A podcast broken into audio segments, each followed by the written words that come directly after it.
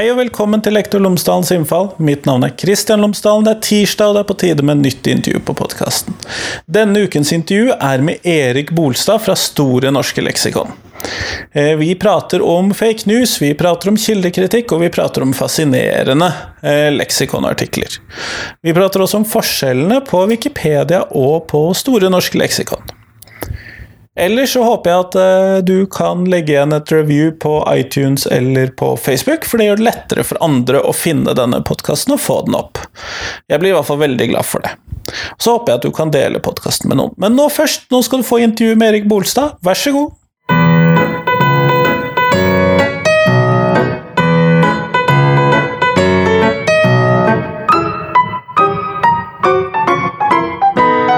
Tusen takk for at du har kommet for å prate med meg i dag, Erik Bolse. Jo, takk. Det er hyggelig å være her. Eh, for de av lytterne mine som ikke skulle vite hvem du er fra før av, kunne du ha fortalt meg tre ting om deg selv? Ja, da får vi ta det primære først. Jeg er redaktør, eller sjefredaktør i Store norske leksikon. Um, og så er jeg i Bergen i dag fordi vi skal ha en stor leksikonsamling på Universitetet i Bergen i morgen. Så akkurat nå for tida så er jeg sånn en slags flygende leksikonselger og reiser fra universitet til universitet for å snakke om leksikon og formidling og fagkunnskap og sånne ting. Og så har jeg skjønt at folk driver avslører ting uh, i denne podkasten din, så da kan jeg avsløre at jeg er gift med, med doktor Klamydia. Um, det er uh, Ja. Han er overlege på en ungdomsklinikk i, um, i Oslo. Hadde akkurat Mette-Marit inn i salen for å snakke om um, skam og sånn knytta til seksualitet. Men jeg er stort sett mest opptatt av fagformidling og kunnskap og informasjon. Og dele um, kunnskap og glede.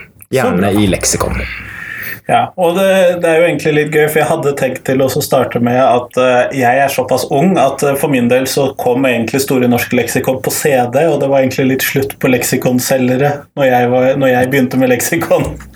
ja, det med leksikonselgere er mer, uh, mer humor enn noe, enn noe særlig annet.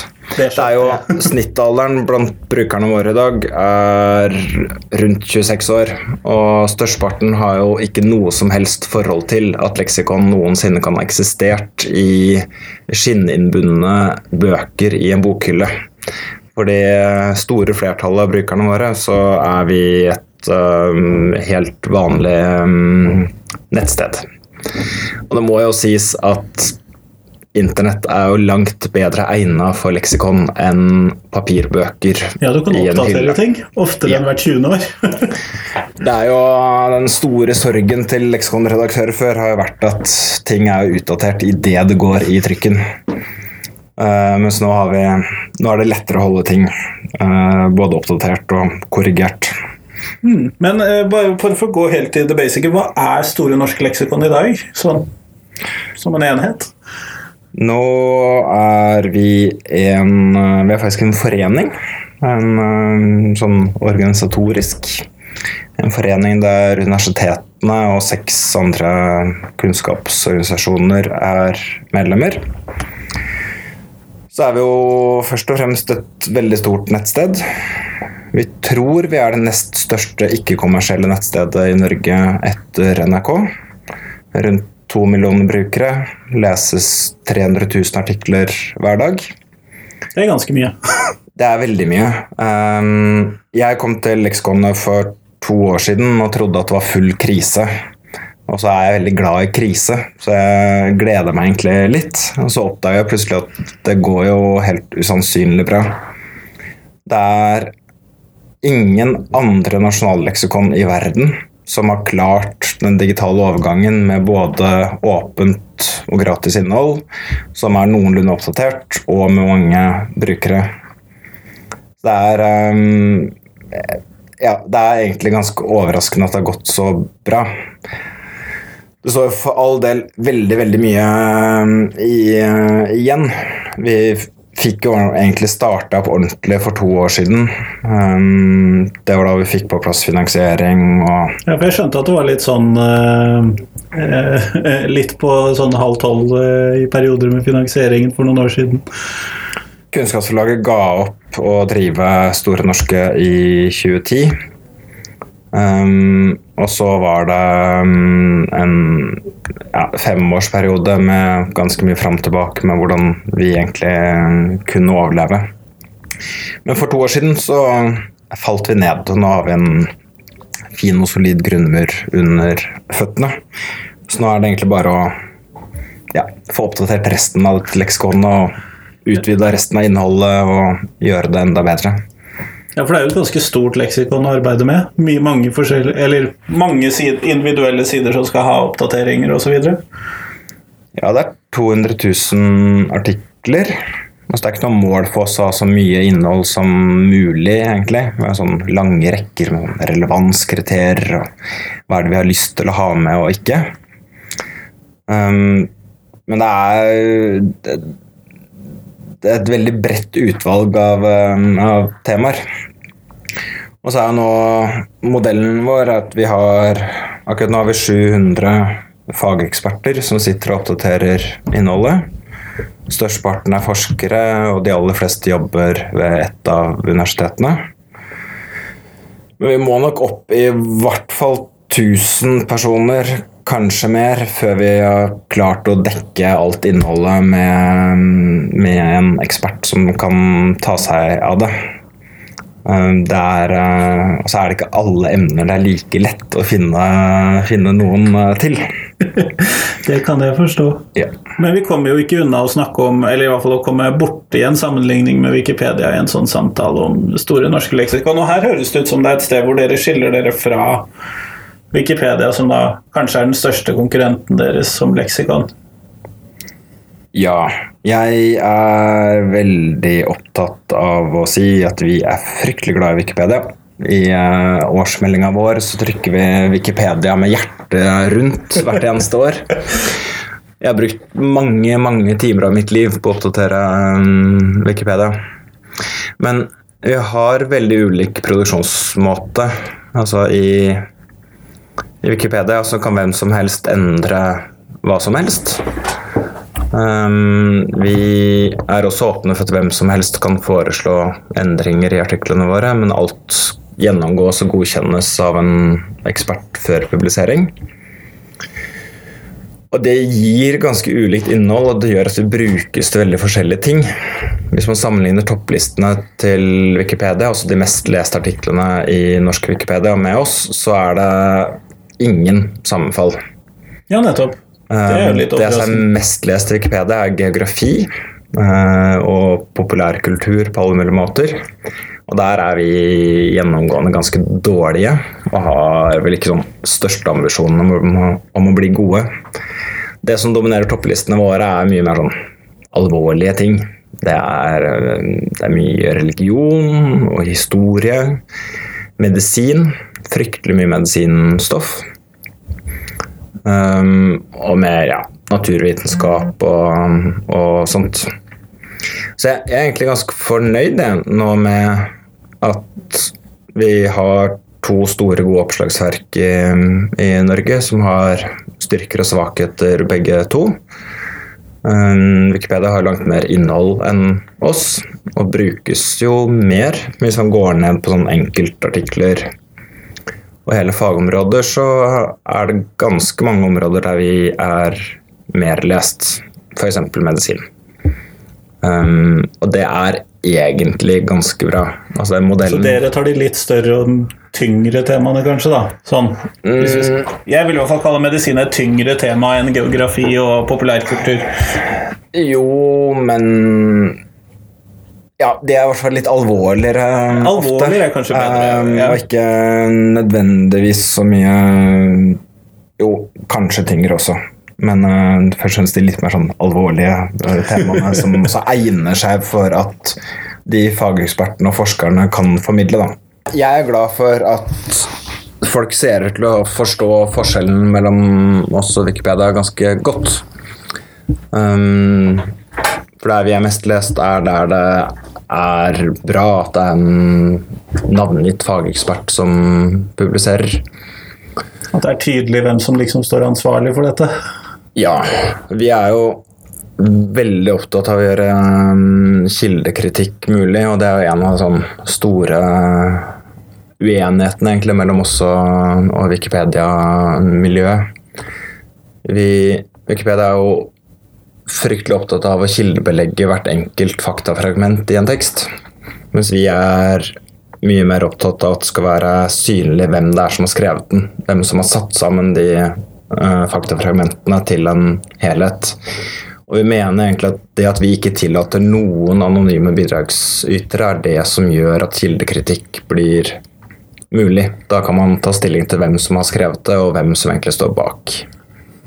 Så det er også et av de bærende prinsippene våre. Det er de flinkeste innenfor et fag som skal oppdatere innholdet, og de må gjøre det under fullt navn. Og så kan hvem som helst bidra. Og vi har faktisk temmelig nøyaktig like mange aktive bidragsytere som eh, det norsk Wikipedia har. Um, men ja, hos oss får de ikke lov til å være anonyme. Nettopp. Som universitetsstudent og som lærer, siden jeg er begge deler for tiden, så er det jo alltid greit å ha en sånn kilde som eh, Store norske leksikon til å belage seg på, for det er jo å regne som en akseptert kilde i universitetsmiljøene. Eh, selv om det er litt endringer der. Men eh, hvordan tenker du at vi kan være sikre på det som står i et leksikon? For tidligere så har det jo vært oppdaget at det har vært en del sånn feil, f.eks. når man i begynnelsen testet Wikipedia opp mot, mot Encyklopedia Britannica, f.eks. Det Altså, hvis du går ned og sånn faktasjekker bitte små altså, fragmenter av en uh, tekst så har vel det som meste av det som er gjort av undersøkelser, vist at uh, i hvert fall den engelske Wikipediaen er omtrent på nivå med f.eks. Britannica. Det er bare gjort én stor uh, sammenligning. Det krever vel litt uh, for mye ressurser til å gjøre dette ofte? ja, altså det krever jo at en eller annen uavhengig ekspert sitter og sammenligner. Um, og så er det man da ender opp med å sammenligne, er jo ofte uh, små og løsrevne faktafragmenter. Det er jo en, Den ene undersøkelsen som du refererer til, er jo veldig kjent, men det er få som tenker at det gjelder et utvalg naturvitenskapelige temaer. Som er lett I engelsk Wikipedia sammenligna med da Britannica, og som har sjekka måte, de faktaopplysningene som står i det. Innenfor andre emner så er det um, jo mer på det hele teksten som um, uh, Og framstillinga av et emne som jeg mener at er det, er det sentrale. Og særlig når du kommer over på sånne emner som religion, eller store sånn, samfunnsspørsmål som demokrati, eller hva er egentlig en velferdsstat?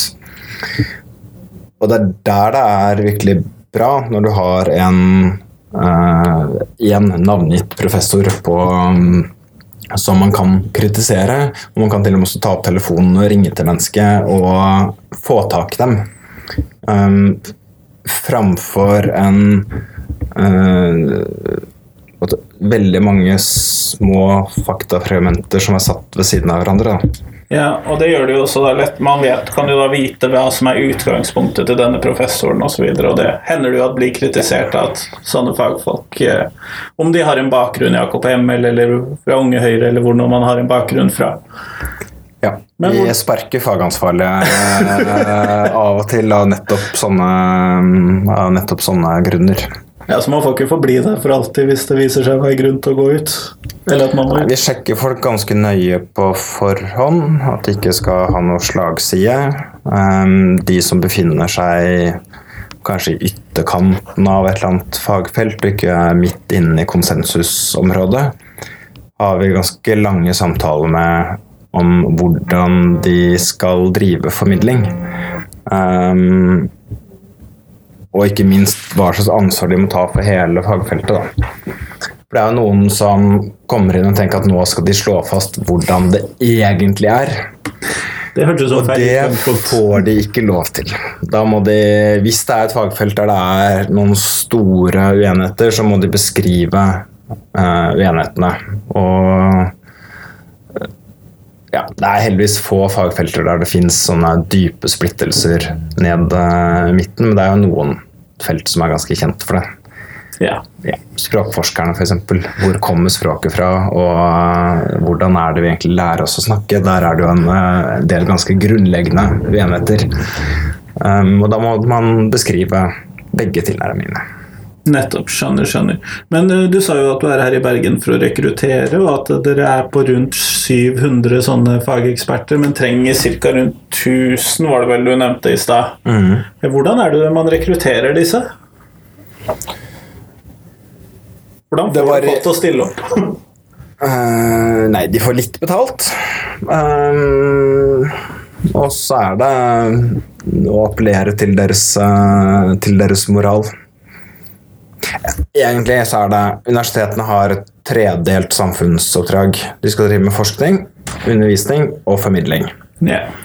Og de er veldig gode på forskning. Og så er de eh, Der er det delte meninger, men de er også gode på, på undervisning. Men formidling har de vel ikke alltid vært like gode på. Mange av forskerne har kvidd seg for å formidle. Um, de viktigste formidlingskanalene har vært media. Og det er en del forskere som er ganske kritiske til eh, journalister som vrir og vender på det de sier. Det vi på en måte kan friste med, da, er en plattform der de når ut til veldig mange. um, og der de får formidle direkte til sluttleseren. Så er det rett nok en litt sånn kranglete redaksjon i midten som sier at de må skrive sånn at folk kan forstå det, og de må lære seg et leksikonformat og en, eh, og en sjanger. Men når de har lært seg det, så er det en eh, utrolig fin plattform for en fagperson å drive formidling gjennom. Og med 300 000 var det daglige sidevisninger, så er jo dette et stort publikum. Så det kan jeg jo forstå at kan være attraktivt. Ja, nå må det sies at det varierer veldig. Altså, det er eh, Når man kommer ned på veldig spesifikke små kategorier, så er ikke lesertallene like høye. Jeg snakka med vår fagansvarlig for generativ grammatikk i forrige uke.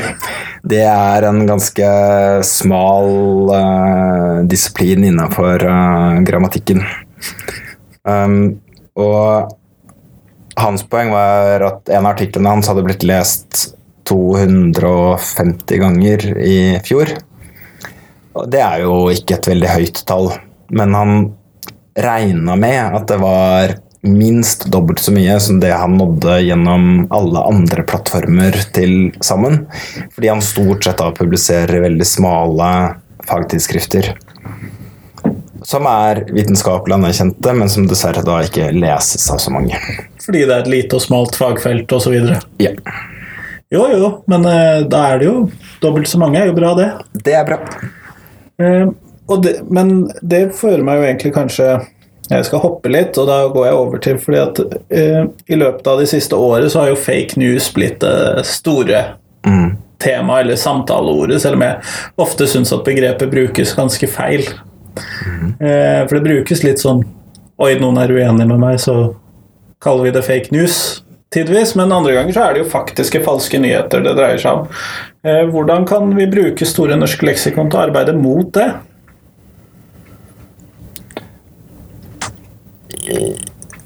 Jeg tenker det fake news-begrepet er litt sånn Det er veldig retta mot USA. Og med en gang man begynner å snakke om fake news, så begynner folk å tenke på Trump. Um, jeg syns vel at dette er et ganske lite problem i Norge. Men det jeg er et større problem, er at folk ikke er kritiske nok til opplysninger de finner. Vi har også våre liksom, fake news, men det, det utspiller seg stort sett på andre, andre kanaler enn i de store riksmediene. Og det kommer veldig lite fra politikere. Men vi har ganske stor underskog på sosiale medier, hvor folk jo tror på de mest hårreisende ting. Um, Hvordan skal vi bruke Stornorsk leksikon til å lære dem kritisk lesning eller kritisk tenkning, da, kanskje? Det er bedre spørsmål. Jeg kan ta et eksempel som også er litt på sida, uten helt enda å svare på det du egentlig spør om. Altså Hvis du ser for deg en uh, ung gutt som sitter hjemme på gutterommet og har hørt om kulturmarxisme, og lurer på om uh, Eller har hørt at det er et veldig fint begrep, som jo beskriver hvordan verden er i dag. Og så begynner han å google for å finne ut mer. Da er jeg veldig glad for at det er den artikkelen vår om kulturmarxisme som ligger helt øverst i Google. Og det tenker jeg også er viktig for et samfunn at det er en artikkel skrevet av en ekspert på høyreekstremisme som faktisk er det første treffet man får. For resten av det søketreffet er fylt opp med Vigrid, andre nazistsider, masse rasister, ymse diskusjonsforum. Og hvis man begynner å lese, lese, det, så får man samtidig vite at det er jødene som styrer verden, at det fins et komplott for at Europa skal fylles med, med gale islamister, og at alle eh, politikere har sammensverga seg for å utslette den hvite rase. Det er ganske dyster og mørk lesing. da. Og da er det en fordel at dere ligger på toppen med et annet budskap. Det er det, og som i hvert fall plasserer det innafor um, Eller plasserer det begrepet et sted politisk, da. Og er ganske tydelig på det. Um,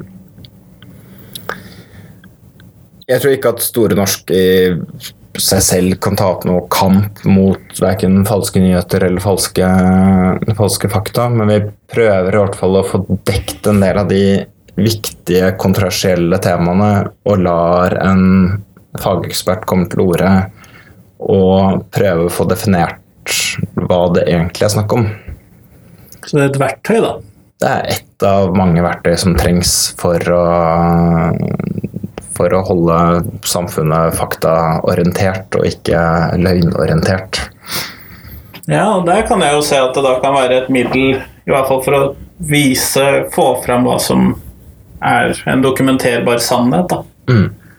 Så det kan jo være en fordel at elevene og sånn og, Men uh, hvordan jobber dere for å få dere på toppen av disse søkene da? Fordi at uh, jeg regner jo ikke med Eller kommer dere dit uten nevneverdig arbeid? Altså, arbeidet er jo innholdet. Ja. Um, nå er det jo da heldigvis sånn at de algoritmene til Google sorterer jo sånn at eh, viktige ting kommer øverst, og mindre viktige ting kommer lenger ned. Eh, så vi havner jo høyt oppe i veldig mange eh, søkeresultater. Og vi har egentlig ikke gjort sånn fryktelig mye for akkurat det, annet enn å lage innhold som folk stoler på og lenker til. Det hjelper. Det hjelper. Det, hjelper. det har jo vært uh, mye jobb. Det leksikonet har jo røtter tilbake til 1907. Så vi er 110 år at noen har holdt på å oppdatere den kunnskapsbasen. Så baserer seg på gammel tillit, da, rett og slett, sånn, for å få den Google-treffene Ja. der? Det gjør vi. Um, eller det vi baserer oss på, er jo egentlig moderne tillit. At folk lenker opp nettsidene og definisjonene. Ja, og jeg har jo sett at man Det hender jo at folk slenger ut en sånn SNL-link for å så eh, slå i bordet med en definisjon. Mm. Det er ikke alltid det funker like godt i diskusjoner hvis man skal eh, prøve å si noe rundt et tema. Men noen ganger kan det jo være ganske virkningsfullt. Definisjonene våre er egentlig kanskje det viktigste. Altså, en stor forfatterveiledning for de som skriver for oss. Det vi i redaksjonen terper aller mest på, er den ene første setninga. altså hva, hva er uh, et emne? Uh, hvordan defineres det, og hvorfor i all verden er det med i dette leksikonet? Det er, eh, det er kanskje en av de største jobbene med når vi rekrutterer nye folk til å skrive. Særlig de som har vært på sånne kreative skrivekurs, som prøver å formulere seg sånn at folk skal bli eh, Interessert og og at det skal være spennende å skrive liksom forlokkende titler og mellomtitler og sånn. Det luker vi bort. Vi eh, har lyst til å være ganske tørre og kjedelige og rett på sak. Et av favorittartiklene, eller favoritteksemplene mine, er um, en stor samling med sånn refusert og sletta. Og artikkelen eh, 'Blod har alltid fascinert mennesket' er um, en uh, Jeg, jeg syns den er helt nydelig. Det skal ikke stå sånne ting i et leksikon. Um, I hvert fall ikke som en sånn åpningsdefinisjon på hva blod er. Nei. Det karakteristiske ved blod er ikke at det alltid er fascinert menneske. Det er at det er kroppens transportorgan. Jeg er enig, den burde være refusert, ja. Den. Men det tror jeg er første gang jeg har hørt noen si at de virkelig har lyst til å være litt tørre og kjedelige. Eller lyst til å være tørre og kjedelige. Ja, men det er jo sånn vi det Jeg tenker at vi oppfyller et samfunnsoppdrag, da. Ja. Ved å være tørre, kjedelige og rett på, både rett på sak. Og at i hvert fall begynnelsen av artiklene våre skal være sånn at alle kan lese dem og forstå sånn cirka hvilket tema det er snakk om, og så er det de som har behov for mer, kan rulle seg videre nedover og lese mer. Ja, Nei, men det er jo en godt sted å være. Ja. Um, hvis du skulle ha noen tips til uh, lærere som skal få elevene sine til å bruke Store norske leksikon, hva vil du fokusere på?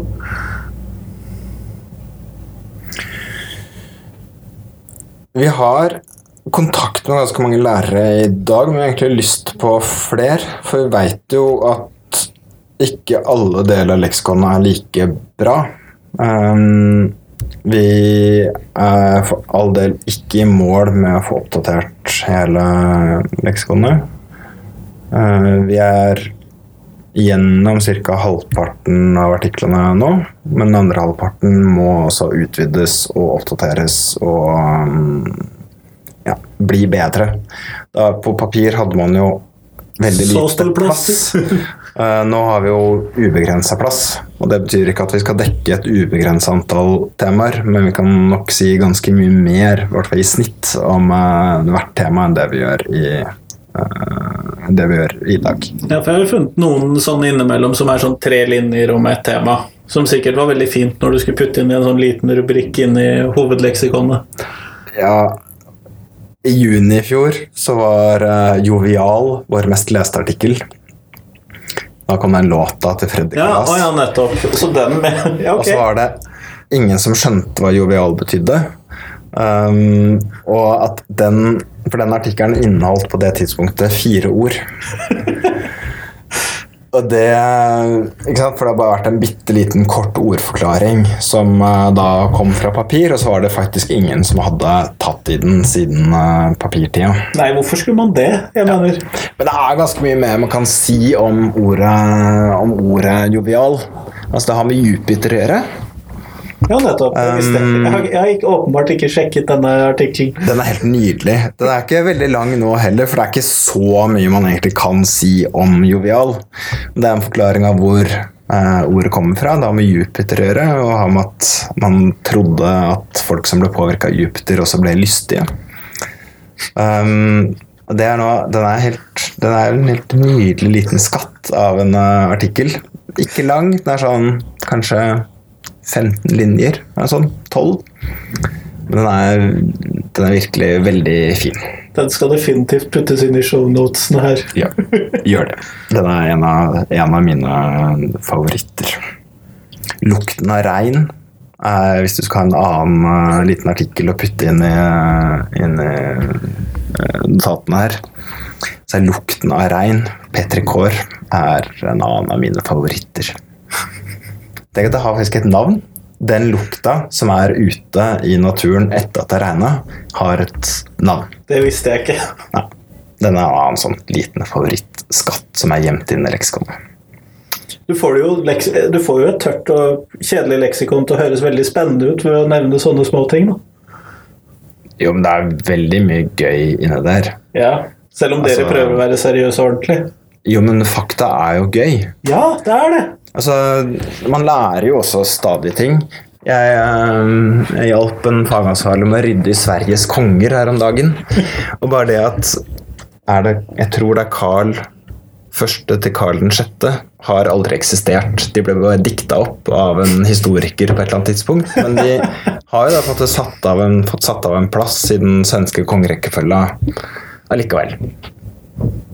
Ja. Jeg tror jeg ville tatt i For eksempel. Ja. Det er masse andre sånne morsomme ting som, eh, som, eh, som fins i verden.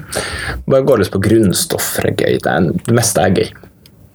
Det forstår jeg. Eh, Men hvis vi nå skal ta oss og gå mot slutten av podkasten, så har jeg et fast spørsmål som jeg pleier å stille til alle, litt, alle intervjuobjektene mine, og det er hva ville du gjort som norsk skolediktator? Altså hvis du fikk eh, muligheten til å få fritt mandat og fritt budsjett til å gjøre noe i norsk skole. Eh, Så hva ville Erik Bolstad gjort som norsk skolediktator? Dette er jeg jo programforplikta til å si, men jeg eh, mener det virkelig veldig alvorlig. Tenk at Kildekritikk har en viktig plass i norsk skole i dag. Men det føles som om det ikke helt går inn alltid.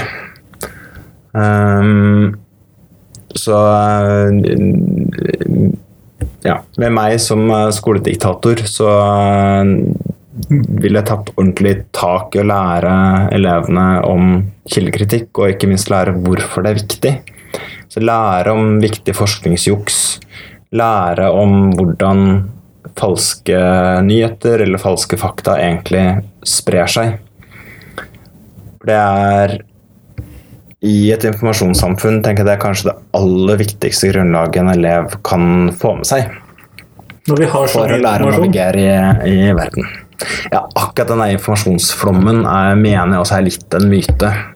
Um, ja, det fins mye mer informasjon i verden i, i dag, og folk leser det mye mer òg enn det de gjorde før. Men det er ikke en sånn flom av info som faller over oss. Uh, den informasjonen må lages av noen, den må skrives og den må formidles. og um, uh, da, ja, da tenker jeg kanskje en av de viktigste tingene norsk skole kan lære elevene, er å lære dem å navigere i, i kunnskap og finne ut av hvor det kommer fra, og hvem som egentlig står bak. Ja, men Flott, der gjør jo dere allerede en innsats. Ja, det, jo, det gjør vi. Kan jeg avslutte med en sånn gladting? Ja, det kan du. Det Store norske leksikon ble samla solgt i 270 000 eksemplarer på papir. Det høres jo ganske mye ut, men 270 000 i et land som Norge betyr at de aller fleste hadde ikke noe leksikon i stua. Det, jeg vokste opp med at leksikonet tok to meter av synsfeltet over sofaen, men sånn var det ikke for de fleste. Nå har vi flere lesere på én dag enn salg av alle papirutgavene av Store norske til sammen. Det, det, gjør, det gjør meg oppriktig lykkelig, da. Eh, For det betyr at folk sjekker kunnskap mye mer nå enn det de gjorde før, og kunnskapen er også mye lettere tilgjengelig. Det tenker jeg borger veldig godt for framtida. Det var en gladsak, det er jeg helt enig i. Tusen takk for at du kom.